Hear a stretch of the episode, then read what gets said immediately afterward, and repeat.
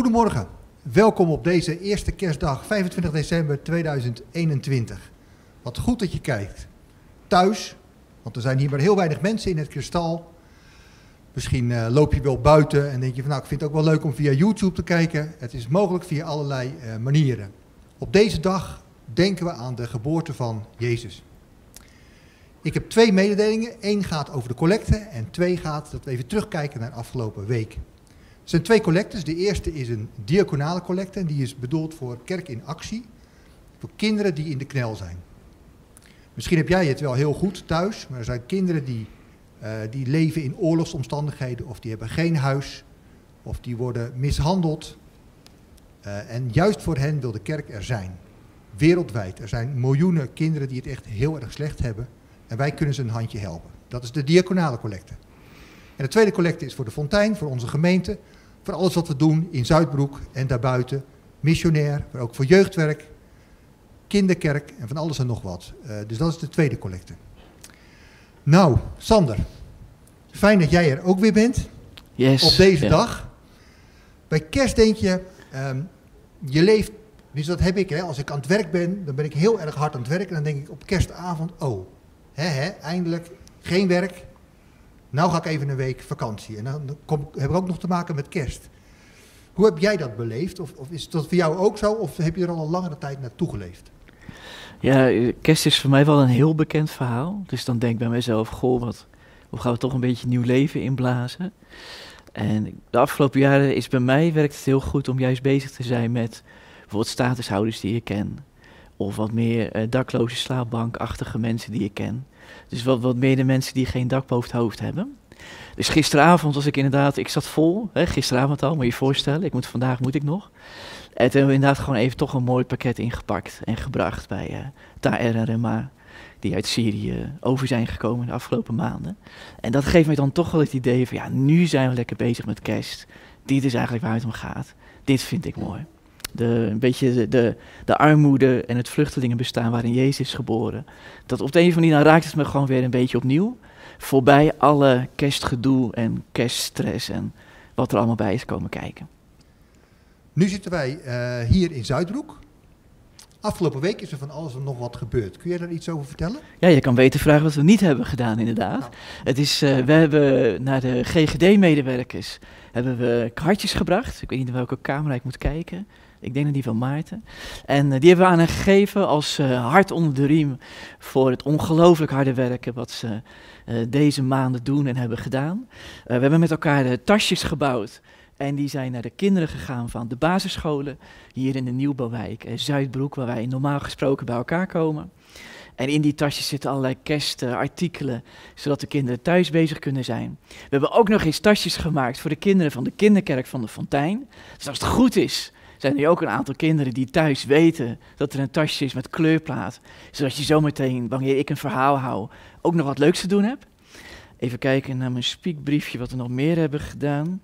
We hebben een buurtkerstboom opgetuigd afgelopen donderdag hier bij de Koop of de Co-op, ik weet niet wat, Co-op en bij de Family. Dat was echt heel mooi. Samen met Zuidbroekers, eigenlijk bijna vanuit de hele wijk. En een klein groepje wat zichzelf Bloksco noemt en bezig is met een jongere plekje in het kristal, hebben we een kerstboom neergezet. Bewoners uit de wijk en mensen die bij de koop boodschappen gingen doen of hadden gedaan. Die konden ook kerstwens opschrijven. Hingen we op in de boom. Dat was gewoon heel mooi. Warme chocolademelk uitgedeeld aan die wie wilde. Dus volgens mij hebben we aardig uh, gerokt uh, afgelopen weken hier in de wijk. En uh, hebben we in die, in zin hebben we al veel gedaan eigenlijk rondom waar kerst voor staat. Ja. Dus ik sta er als een blij man. Nou, heerlijk. Dat is goed om te horen. Um, we gaan nu de dienst beginnen. En die beginnen we normaal gesproken altijd met gebed. Dus ik wil jullie voorgaan in gebed.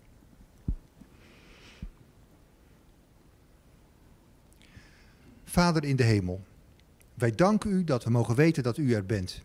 Dat u bestaat en dat uw zoon, Jezus, naar deze wereld is gekomen. Dat vieren we vandaag. En het is niet alleen stilstaan, maar we zijn er ook ontzettend dankbaar voor, want daardoor is alles veranderd. Of we dat nu zien en zelf meemaken, of niet. En we zijn nu een ogenblik stil om ons voor te bereiden op deze dienst. En we vragen of u ons wilt helpen. Degene die muziek maken, wees ook bij Sander als hij het woord van u, de Bijbel, gaat uitleggen. Help ons zoals we hier zijn en vervul ons met uw geest. Misschien zit je wel alleen thuis, juist in deze dagen, en zijn er hele mooie dingen gebeurd, of juist verdrietige. Wilt u daarbij zijn en ons zo helpen en vervullen met uw geest? Dat vragen we alleen om Jezus wil. Amen.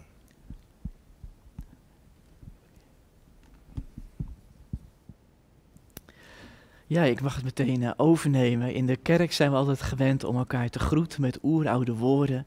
We hopen dat je, ons, dat je je welkom weet bij ons wanneer je online meekijkt en dat de geest van God ook bij jou aanwezig is. Al onze hulp, al onze verwachting stellen wij op de naam van de Heer, die de hemel en de aarde gemaakt heeft, die trouw blijft tot een eeuwigheid en die nooit loslaat het werk dat Zijn hand met ons begonnen is.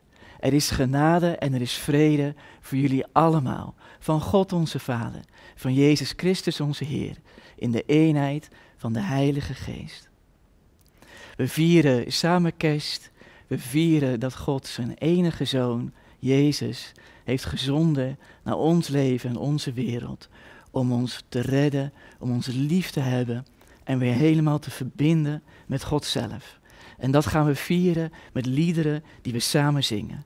We zingen samen Eer zij God in onze dagen. En na dat lied proberen we ook echt een stukje van aanbidding met elkaar te creëren. Ook bij jullie in de huiskamer. Om Jezus in het middelpunt te zetten van onze aandacht. We zingen samen.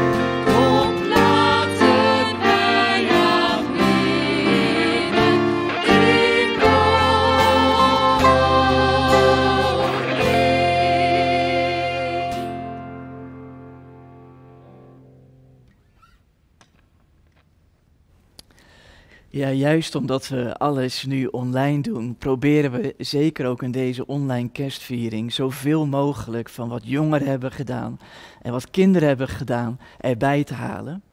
Ik vind het leuk om even te vertellen dat toen we de buurtkerstboom hadden opgezet, daar bij de family hier bij het Kristal in Zuidbroek, dat er natuurlijk allerlei, vooral kinderen en jongeren langskwamen om iets op te schrijven van een kerstwens en in de boom te hangen. Ik had een gesprekje met, ik denk, een twaalfjarig kereltje, laat hem even Tim noemen. En Tim vertelde dat hij in zijn hoofd heel bezig was met, uh, met zijn vriendinnetje. Uh, en hij hoopte dat ze echt nog heel lang bij elkaar konden blijven en samen konden spelen in Zuidbroek. Maar op de een of andere manier was ze behoorlijk ziek, dus hij maakte zich echt zorgen over haar. En hij heeft een heel mooi uh, kaartje opgehangen in de kerstboom hier in uh, Zuidbroek met zijn wens erin. En het is natuurlijk ontzettend gaaf dat je zo'n kereltje even kan spreken. En dat je gewoonweg elkaar even kan bemoedigen.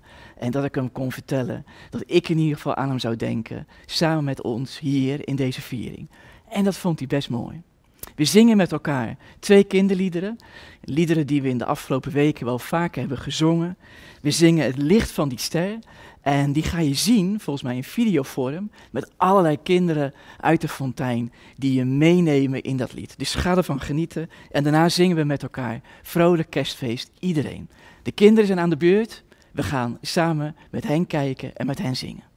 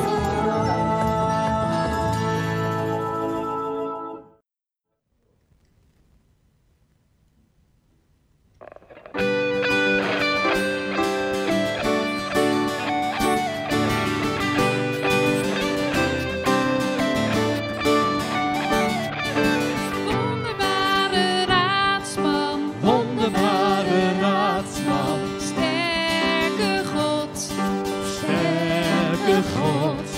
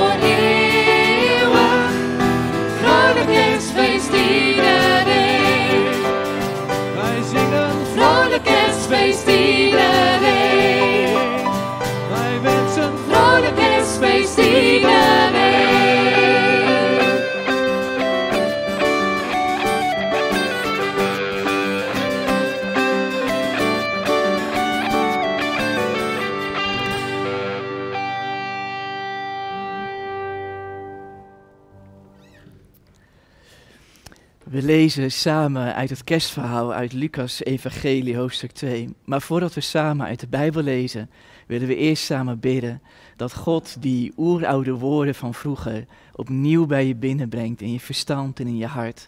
En iets aan je geeft wat van Jezus is. En wat jou de nodige genade en wijsheid geeft voor deze weken. Zullen we samen bidden. Heer Jezus, we zijn zo ongelooflijk dankbaar dat u gekomen bent naar onze wereld. Om onszelf, onze vrienden, onze familie, onze vreemdelingen en vluchtelingen bij ons in de stad. Helemaal te betrekken bij alles wat God aan goeds aan het doen is. Dank u wel dat u de weg naar de Vader naar onze goede God heeft geopend. En we bidden dat als we lezen het kerstverhaal, dat het niet alleen maar een oud verhaal zal zijn, wat we voor de zoveelste keer aanhoren, maar dat uw Heilige Geest erbij komt, dat u uw geest naar ons toestuurt en dat u voorbij onze ratio en voorbij onze talenten, alles wat we zo goed kunnen, dat u ons raakt op de plekken waar we u nodig hebben. En waar u ons nodig hebt om uw koninkrijk verder te bouwen. We wensen elkaar, we bidden elkaar toe dat uw Heilige Geest de wonderen geeft die we nodig hebben. Om ons weer helemaal te verbinden met u. U bent een mysterie. En u bent ook heel mysterieus geboren, 2000 jaar terug. Maar geeft u nu de helderheid, of de wijsheid, of het inzicht, of het gevoel dat we nodig hebben. Om weer met u in contact te staan. Heer Jezus, dank u wel dat u bij ons bent. Samen met de Vader en met de Heilige Geest. Dat u wilt wonen in ons leven, wilt wonen in ons huis en de boodschap van genade, van geloof, hoop en liefde door ons heen wil belichamen. In de buurten waar we wonen, de werkvloer waar we werken, de vereniging waar we sporten.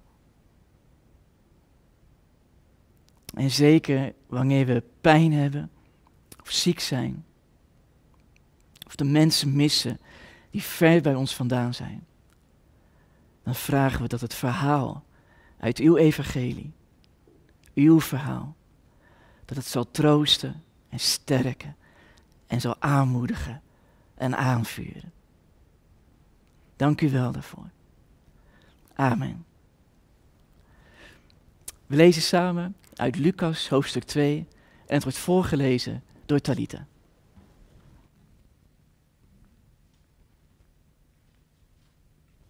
In, de tijd in die tijd kondigde keizer Augustus een decreet af dat alle inwoners van het Rijk zich moesten laten inschrijven. Deze eerste volkstelling vond plaats tijdens het bewind van Quirinus over Syrië. Iedereen ging op weg om zich te laten inschrijven, ieder naar de plaats waar hij vandaan kwam. Jozef ging naar de stad, van, de stad Nazareth in Galilea, naar Judea, naar de stad van David die Bethlehem heet, aangezien hij van David afstamde om zich te laten inschrijven samen met Maria, zijn aanstaande vrouw die zwanger was. Terwijl ze daar waren, brak de dag van haar bevalling aan en ze bracht een zoon ter wereld, haar eerstgeborene. Ze wikkelde hem in een doek en legde hem in een voederbak, omdat er voor hen geen plaats was in het nachtverblijf van de stad. Hielden de... Niet ver daar vandaan brachten herders de nacht door in het veld. Ze hielden de wacht bij hun kudde. Opeens stond er een engel van de Heer bij hen en werden ze omgeven door de stralende licht van de Heer, zodat ze hevig schrokken. De engel zei tegen hen: Wees niet bang, want ik kom jullie goed nieuws brengen, dat de hele volk met grote vreugde zal vervullen. Vandaag is in de stad van David voor jullie een redder geboren. Hij is de Messias, de Heer. Dit zal voor jullie het teken zijn. Jullie zullen een pasgeboren kind vinden dat in een doek gewikkeld is in de voederbak ligt. En plotseling voegde zich bij de engel een groot hemels leger dat God prees met de woorden: Eer aan God in de hoogste hemel en vrede op aarde voor alle mensen die hij lief heeft.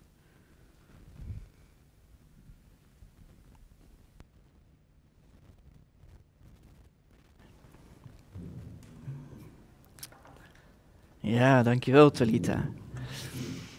Uh, samen met uh, de jongeren van onze 16-plus groep heb ik deze preek voorbereid.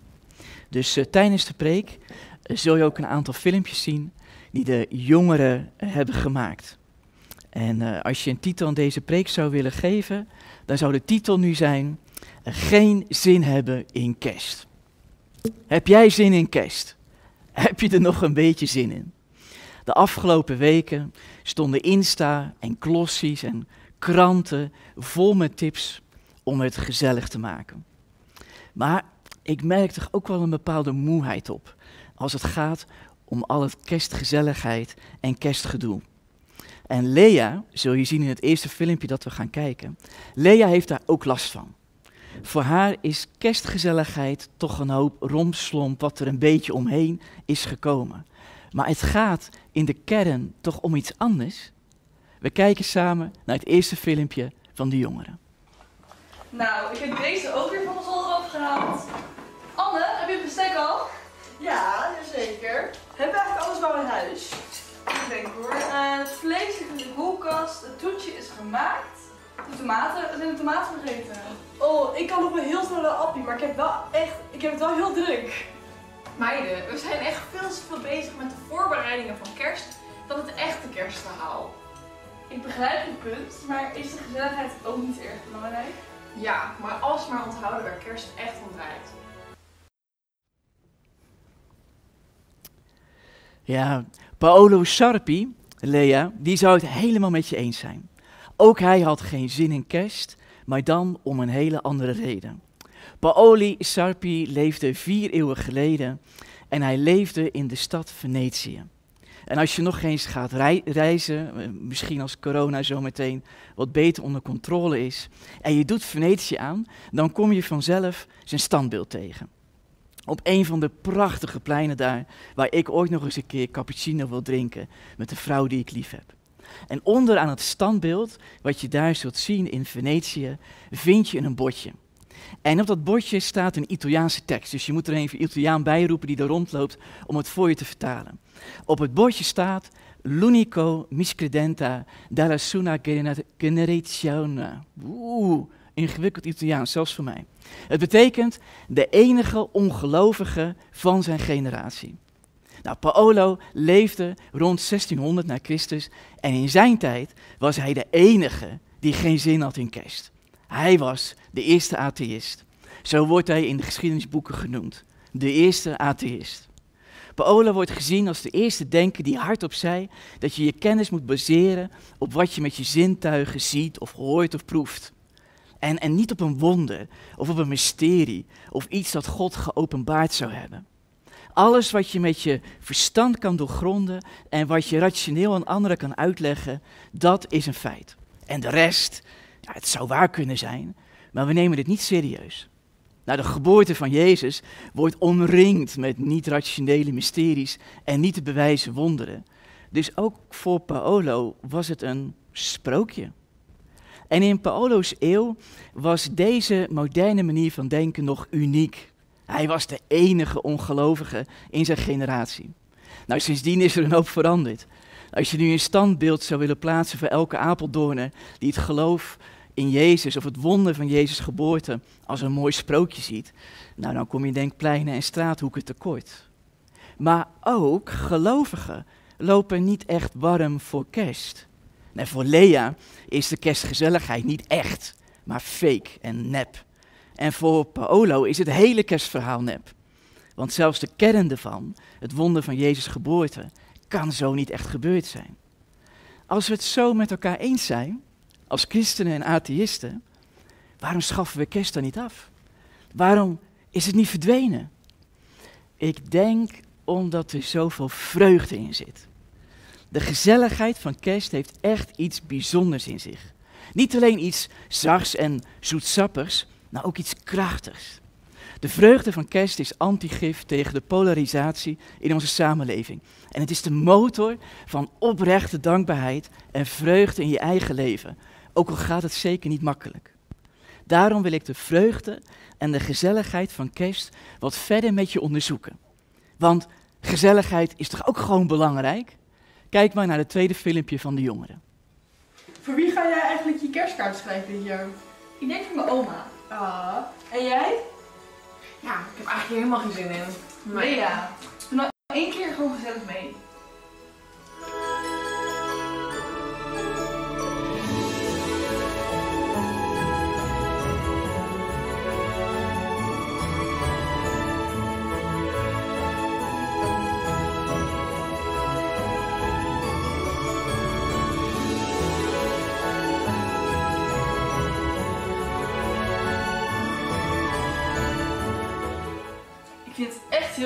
Met jullie hier te zijn. Ja, want kerst draait ik echt om de gezelligheid. Maar bij kerst is gezelligheid toch niet het belangrijkst? We moeten blijven denken aan de geboorte van Jezus, de herders en de wijzen.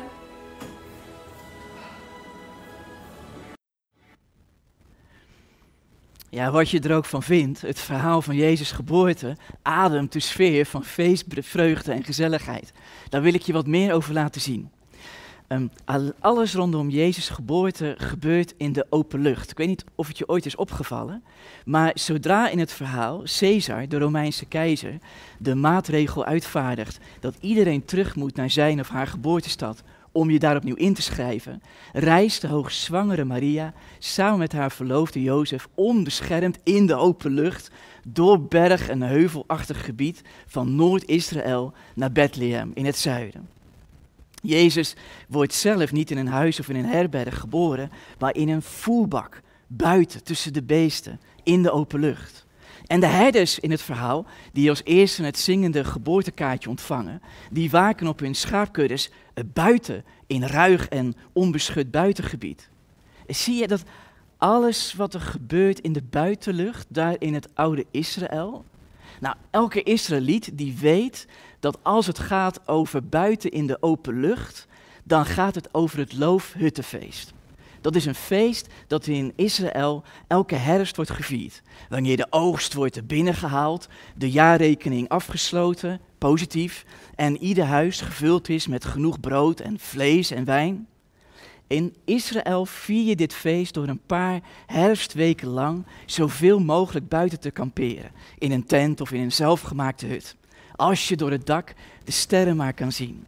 Je viert Loofhuttenfeest in de herfst door de vreemdeling en vluchteling bij je thuis aan tafel uit te nodigen en het opgeslagen graan, mais en tarwe uit te delen aan wie te weinig heeft of niets. Je viert het feest door allerlei lekkere broden met elkaar te bakken, die je in speciale broodbakken naar de tempel brengt. De kribbe waar Jezus in wordt geboren, in die tijd dachten de mensen bij het woord kribbe aan die broodbakken die ze gebruikten tijdens het Loofhuttenfeest. En als je dan toch in de tempel van Jeruzalem bent, dan breng je offers tijdens het Loofhuttenfeest om het goede leven te vieren en God dankbaar te zijn. Dus wanneer je leest over de herders met hun schaapskudde in de velden van Bethlehem, dat is niet ver van Jeruzalem, dan denk je meteen aan de schapen en de lammeren die tijdens het Loofhuttenfeest in de tempel worden geofferd. Jezus wordt geboren in de sfeer van het Loofhuttenfeest. In de herfst, vol met brood en wijn, dankbare offers in de tempel, liederen over God en het uitdelen van cadeaus. Dus dat je het gezellig maakt tijdens kerst, heeft alles te maken met Jezus' geboorte.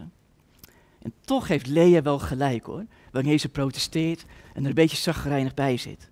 Want de gezelligheid rondom Jezus' geboorte, dat is niet zomaar gezellig doen met elkaar. Er zit iets specifieks aan die gezelligheid. En dan kijk mezelf naar de jonge Jezus. Midden in de feestweken van toen ligt hij als pasgeboren baby nog steeds op de mestvloer. Als eerste kind van een jong stel dat wordt buitengesloten omdat anderen overspel vermoeden. En amper twee jaar oud geworden neemt Maria de jonge Jezus mee op de vlucht.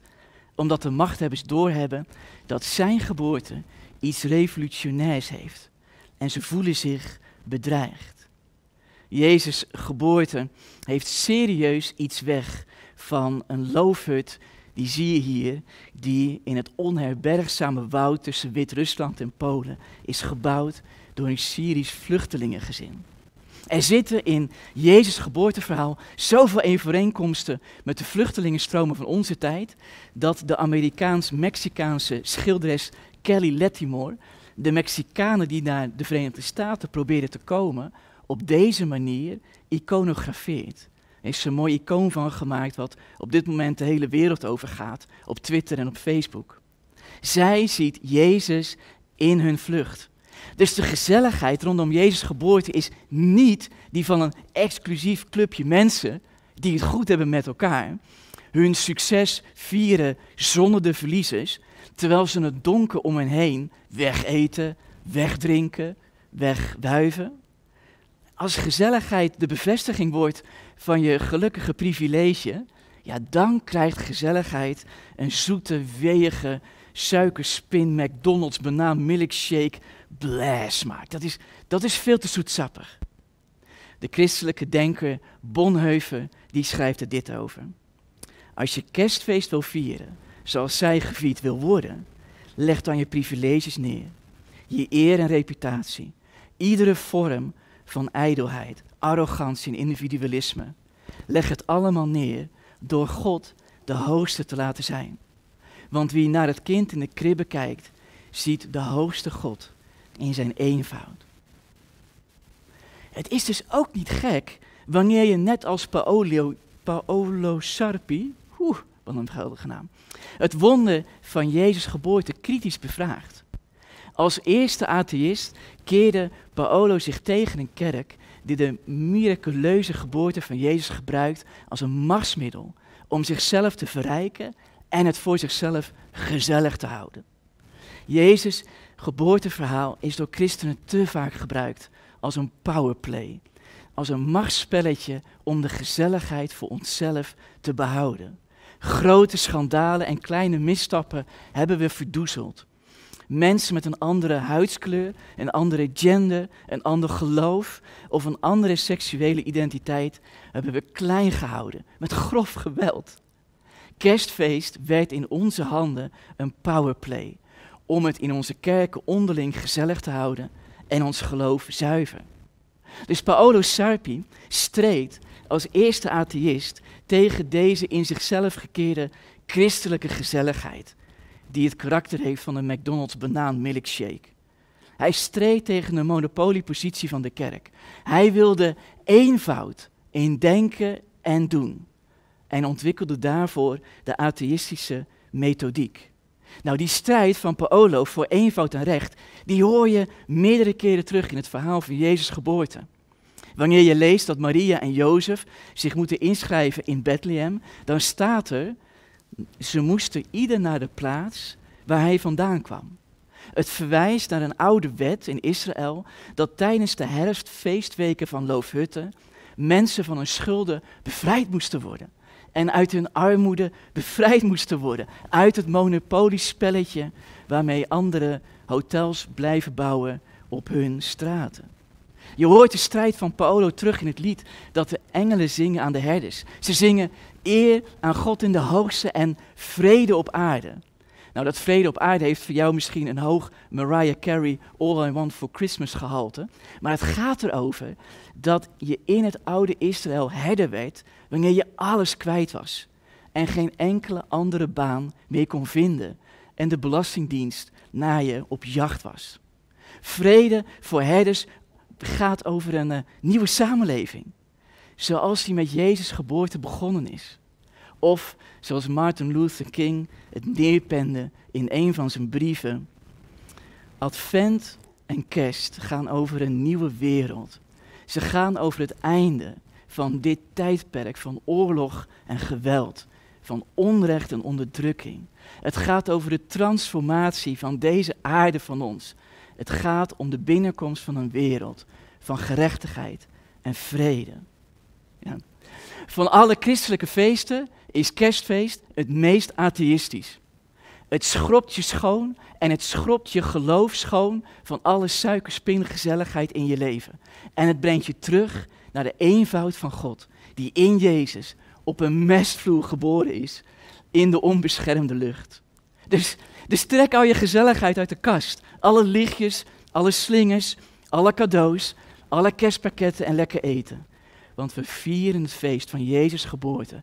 Het begin van een nieuwe wereld. Van geloof, liefde en hoop voor jou en de mensen om je heen. Ook al kun je ze nu nog niet bereiken. Een samenleving van onderling vertrouwen. Ja, ik zie voor me dat Lea en Paolo Sarpi nog eens een keer aan de bar zitten van confetti aan het Katerplein. En dan vertelt Paolo Sarpi aan Lea alles waar hij tegen strijdt als het gaat om het monopolie en de gesloten gezelligheid van de kerk. En Lea vertelt, denk ik, hem het fantastische verhaal van Jezus die leeft en op deze manier geboren is. Op die manier brengt kerstfeest mensen bijeen over allerlei grenzen. En daarover gaat de kerstboom, waarover het laatste filmpje van de jongeren gaat, dat we nu gaan kijken. Wow, deze kerstboom is toch wel echt heel erg donker. Laat een beetje opvrolijken met lichtjes.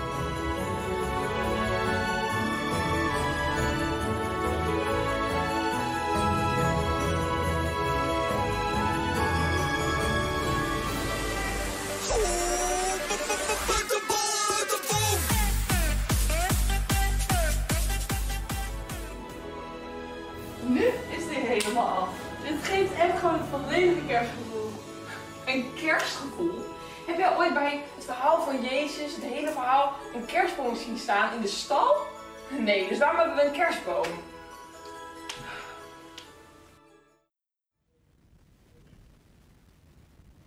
Boom is nergens terug te vinden in het verhaal van Jezus' geboorte. Maar de geboorte van Jezus en daarna het leven van Jezus, zijn sterven en opstaan uit de dood, heeft zo'n impact gehad op de wereld dat er allerlei dingen door zijn geraakt en zijn veranderd. Als een steen in het water bracht de geboorte van Jezus van alles in beweging.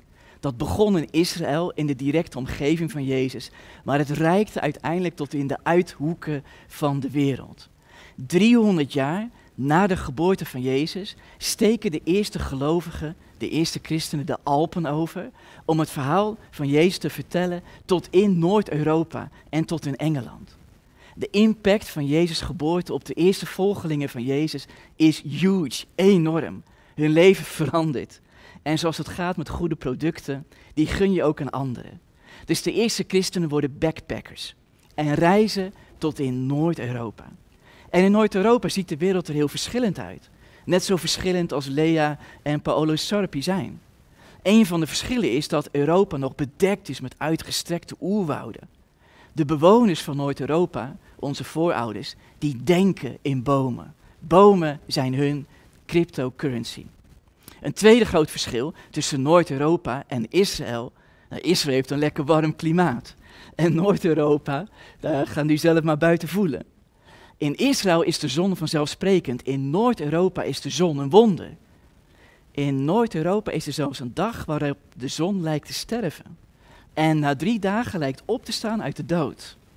De sterfdatum van de zon, de kortste dag, ligt in Noord-Europa rond 22 december. En de dag waarop je met je blote oog kan zien dat de zon opnieuw geboren wordt en de dagen weer langer worden, is rond 25 december. Dus de geboorte van de zon werd in Noord-Europa gevierd tussen 22 en 25 december. En in het middelpunt van dat feest stond de boom. In elk Germaans en Keltisch dorp van Engeland tot aan Georgië werd de geboorte van de zon gevierd door in het centrum een enorme boom neer te zetten, te versieren en aan elkaar cadeaus te geven. Nou, wanneer de eerste christelijke backpackers onze voorouders in Noord-Europa ontmoeten, gebeurt er iets dat we in onze tijd niet meer gewend zijn. Ze benadrukken niet de verschillen, maar de overeenkomsten. De eerste volgelingen van Jezus leren Noord-Europa kennen. Ze begrijpen steeds meer waarom de zon en de boom zo'n grote rol spelen in dit gebied. Ze leren van mensen in Noord-Europa dat lang geleden de god Wodan stierf aan een boom. Toen hij de uitvinding van het vuur gaf aan de mensen. En dat de boom aan het begin van alles in de tuin van Asgard stond. Midden in de tuin van het paradijs en de goden. Dus, dus als jij als christen het idee tegenkomt dat iemand vrijwillig sterft aan een boom, zodat anderen gezegend worden, en het idee dat de boom te maken heeft met het paradijs, wat denk jij dan? Ik denk dat jij denkt aan hoe Jezus stierf aan het kruis, om een zegen te zijn voor anderen. En dat je aan de boom van het leven denkt in de paradijselijke tuin van Adam en Eva. En dat door Jezus sterven de tuin, het leven met God, weer bereikbaar en geopend wordt voor iedereen die God wil ontmoeten. En als jij hoort over drie dagen tussen 22 en 25 december, waarin de zon sterft en de zon weer opstaat uit de dood, waar denk jij als volgeling van Jezus dan aan? Zie je de eerste christelijke backpackers die zien dat Jezus aanwezig is in hoe de mensen van Noord-Europa hun feesten vieren. De eerste volgelingen van Jezus herkennen het verhaal van Jezus in hun feestvreugde, in die versierde boom, in het midden van de stad en de cadeaus die rondgaan. En, en denk eraan, die eerste christenen, die komen uit Israël. Ze zijn gewend om het Loofhuttenfeest te vieren, dat voor hen verbonden is met de geboorte van Israël. Het Loofhuttenfeest begon als een feest van de natuur, van de oost. Dat is de kern van het feest. In de eeuwen daarop groeit het feest. Ze gaan ook vieren hoe God het volk Israël door de woestijn leidt naar het beloofde land. En weer later gaan ze om de kern nog iets vieren. Namelijk dat God de grote verzoendag heeft gemaakt en alle mensen met zichzelf verzoent. En weer later komt er op de kern van het feest de vreugde van de wet over Gods wil van mensen. Zie je? Die backpackers, die eerste christen zijn eraan gewend dat een feest een kern heeft en dan gaat groeien met de levensverhalen en de ideeën van anderen. Niet zomaar elk levensverhaal en elk idee, maar wel de levensverhalen en ideeën die te maken hebben met de kern. Dus wanneer de eerste christenen vertellen over het geloof in Jezus, vertellen ze het verhaal niet als een powerplay of een marsspelletje, maar luisterend naar de ander zijn of haar levensverhaal. En ze leerden Jezus herkennen in feesten die niet christelijk zijn. Toen Mathilde en ik bezig waren met onze buurtboom, kwamen we een kerel tegen die aan het bezorgen was voor de family. Ik denk zo'n 19, 20 jaar oud. En hij vertelde over de spirituele ervaringen die hij heeft wanneer hij softdrugs gebruikt. Nou, je begrijpt wel dat het voor ons onwijs wennen is. Want als volgelingen van Jezus is dat voor ons een hele andere wereld. Ik vroeg op een gegeven moment aan hem, maar als jij dan een goede trip hebt van softdrugs, is dat voor jou dan ook bovennatuurlijk? En hij vertelde over wat hij op dat moment ervaart. En we vonden het heel grappig, maar en ik, dat alles wat hij zei, dat ervaren wij ook. Hij had het erover, als ik een goede trip heb, dan voel ik me enorm verbonden met alles en iedereen. Nou, dat hebben wij in de fontein ook, wanneer we de naam van Jezus leren kennen en leren aanbidden. Hij vertelde dat hij werd gekoppeld aan iets diepers dan hemzelf, wat alles te maken heeft met geloof. Hij vertelde dat hij als een soort vader ook voor anderen wil zorgen, zodat drugsgebruik niet uit de hand loopt. Nou, we waren dus weer even backpackers en we kwamen weer even in contact met een compleet andere wereld. En de vraag is altijd, waar is Jezus in die wereld? Het is voor de eerste christenen uit Israël backpackend in Noord-Europa helemaal niet vreemd om het geboortefeest van Jezus te laten groeien met andere levensverhalen en andere hun ideeën en ervaringen van God, ook al zijn die anders. Het deed ook niets af aan hun boodschap over Jezus. Zoals de ervaring van deze jongen met softdrugs niet af, niets afdoet aan het feit dat ik dat als volgeling van Jezus niet zou doen. En het ook niet verstandig vind. Het doet niets af aan mijn passie en mijn liefde voor Jezus. En mijn passie en liefde voor deze jonge man. En ik kan je zeker vertellen dat ik hem vaker wil gaan ontmoeten. De kerstboom herinnert jou eraan dat je een missie hebt. En dat jouw missie is om het verhaal van Jezus te vertellen. Niet als een powerplay. Daar heeft Paoli Sarpi al tegen gestreden. Maar dat jij wil vertellen over de nieuwe wereld van God die is aangebroken. En dan maar gewoon luisterend naar het verhaal van anderen. En hun manier van denken. En hun manier van feesten. Ten slotte, dat is dan de kerstboom. Heeft het verhaal van Jezus iedereen aangeraakt en iedereen al bereikt. De vraag is of wij het hen kunnen vertellen. Ik sluit af met het verhaal van een atheïste uit onze tijd. En je ziet hoe het verhaal van Jezus haar al heeft bereikt. Ze schrijft, Emma Brunt, in Vrij Nederland over het feit dat ze maar niet los kan komen van kerst. En ze schrijft het volgende. Hoe komt het, zegt ze, dat een gepokte en gemazelde atheïste, zonder een sprankje geloof in haar body, het toch niet kan laten om met kerst het huis tot de nok te versieren, voor iedereen cadeautjes te kopen en zo lekker, maar ook hopeloos ingewikkeld te koken, dat het resultaat nog wel eens oneetbaar blijkt te zijn en de pizzabezorger uitkomst moet brengen. En ze gaat bij zichzelf te raden, hoe komt dat? En haar antwoord ligt in de herinnering aan haar moeder, die haar op jonge leeftijd in de steek liet. En ze schrijft aan het einde, ze schrijft daar, ik hoop voor mijn kinderen dat ik de moeder ben geworden die ik zelf niet had, maar wel had willen helpen.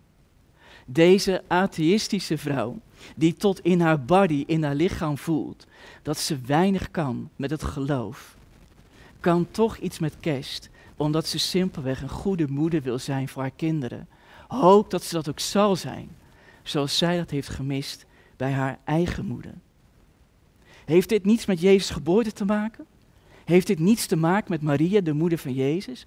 Heeft het niets te maken met het feit dat Jezus zelf verlaten is wanneer hij sterft aan het kruis voor anderen?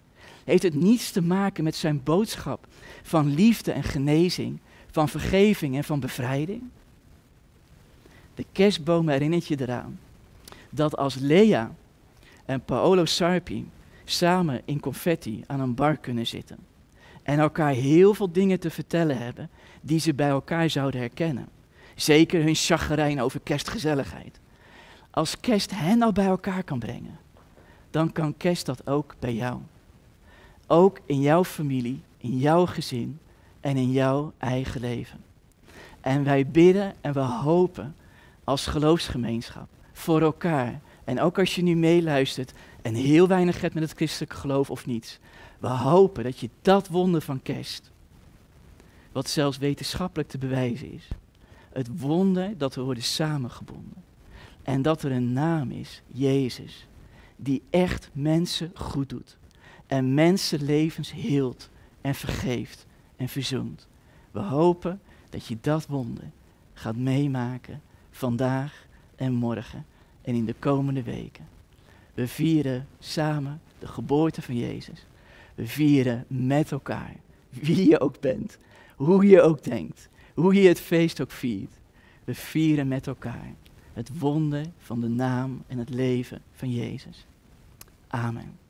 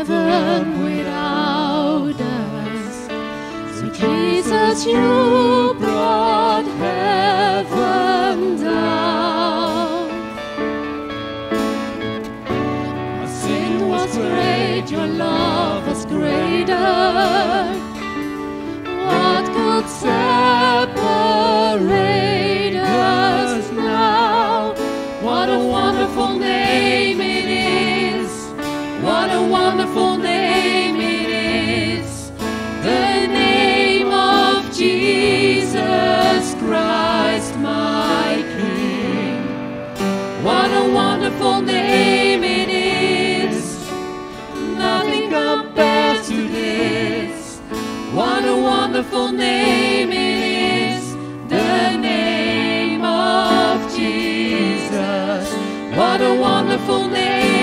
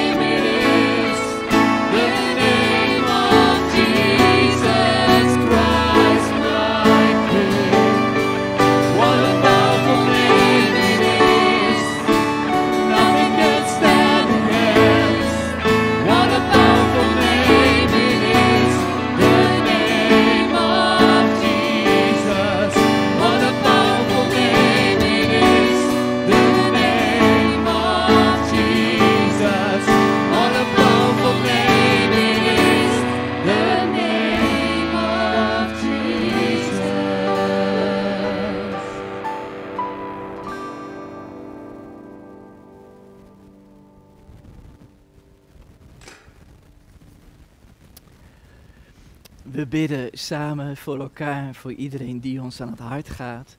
Ik zal tijdens de voorbeden een aantal kerstwensen meenemen die Zuidbroekers in de boom hadden gehangen en die het goed vinden dat we het met jullie delen.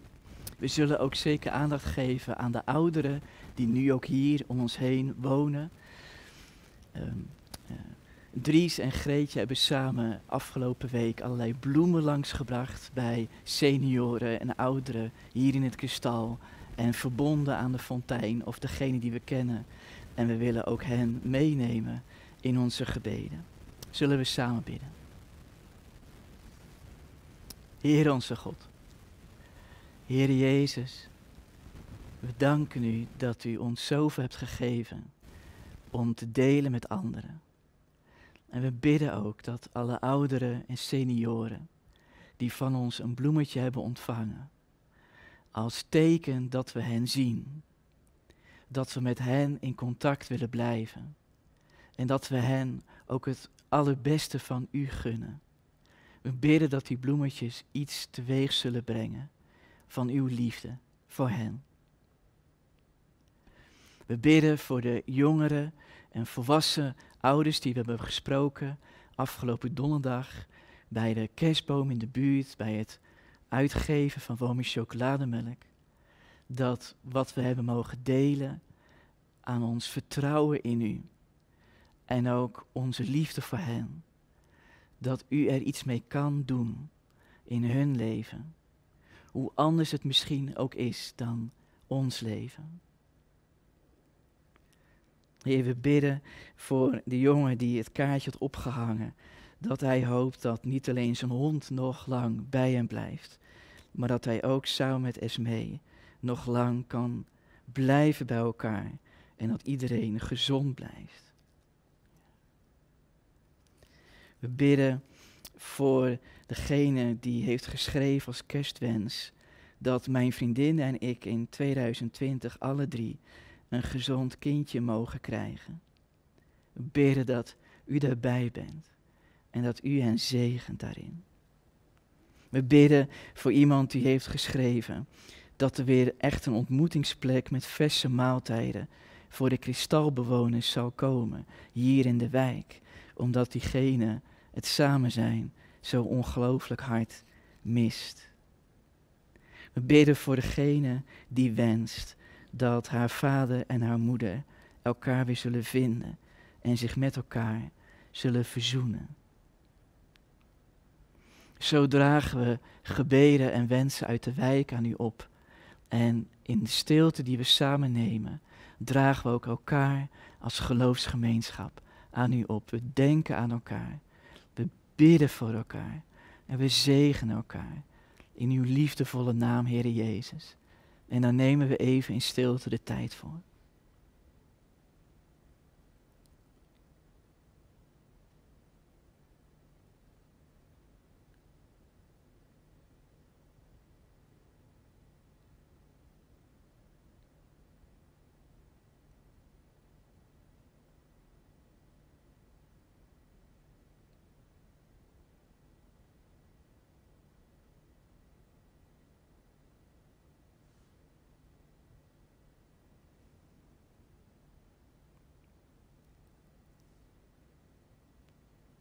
Vader, Zoon en Heilige Geest, dank u wel dat u luistert, zelfs naar de kleinste stem die roept.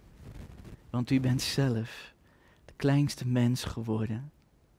En u bent voor ons de weg gegaan van lijden en pijn en zelfs het kruis. We danken u dat daar zo'n bron van liefde en genegenheid voor elkaar en voor het samen optrekken met anderen daarin is te vinden prijzen uw naam, Heere Jezus. Uw naam hoog verheven.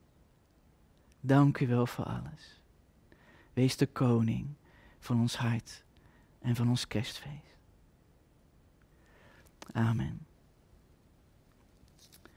Er is aandacht voor de collecte en daarna zingen we ons slotlied Ere zij God. En zelfs al zit je niet op een bank, bij dat lied Ere zij God mag je gaan staan. Maar eerst samen nog even kijken naar de info over de collecte.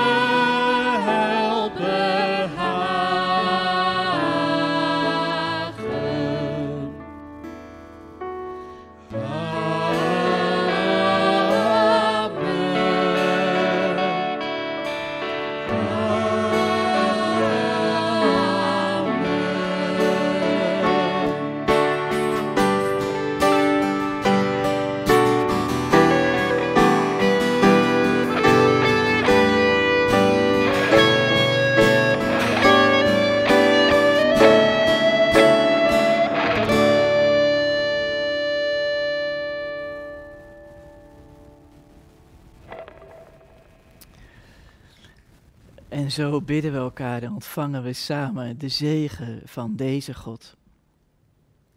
De liefde van God de Vader en de genade van onze Heere Jezus en de innige nabijheid van de Heilige Geest is en blijven met jullie allemaal.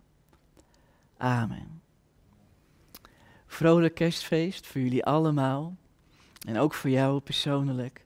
Mocht je meer willen weten over deze Jezus en zijn persoon, in de nieuwe jaar zullen we als Fontein eh Alpha organiseren. Het zijn verschillende avonden waarin je Jezus leert kennen op een andere of een wat meer nieuwe manier. Je bent van harte welkom. Schroom niet om onder de chat bij de YouTube iets achter te laten van wat jij beleeft aan kerst of vragen die je hebt aan ons. Weet dat we ook voor jou bereikbaar zijn.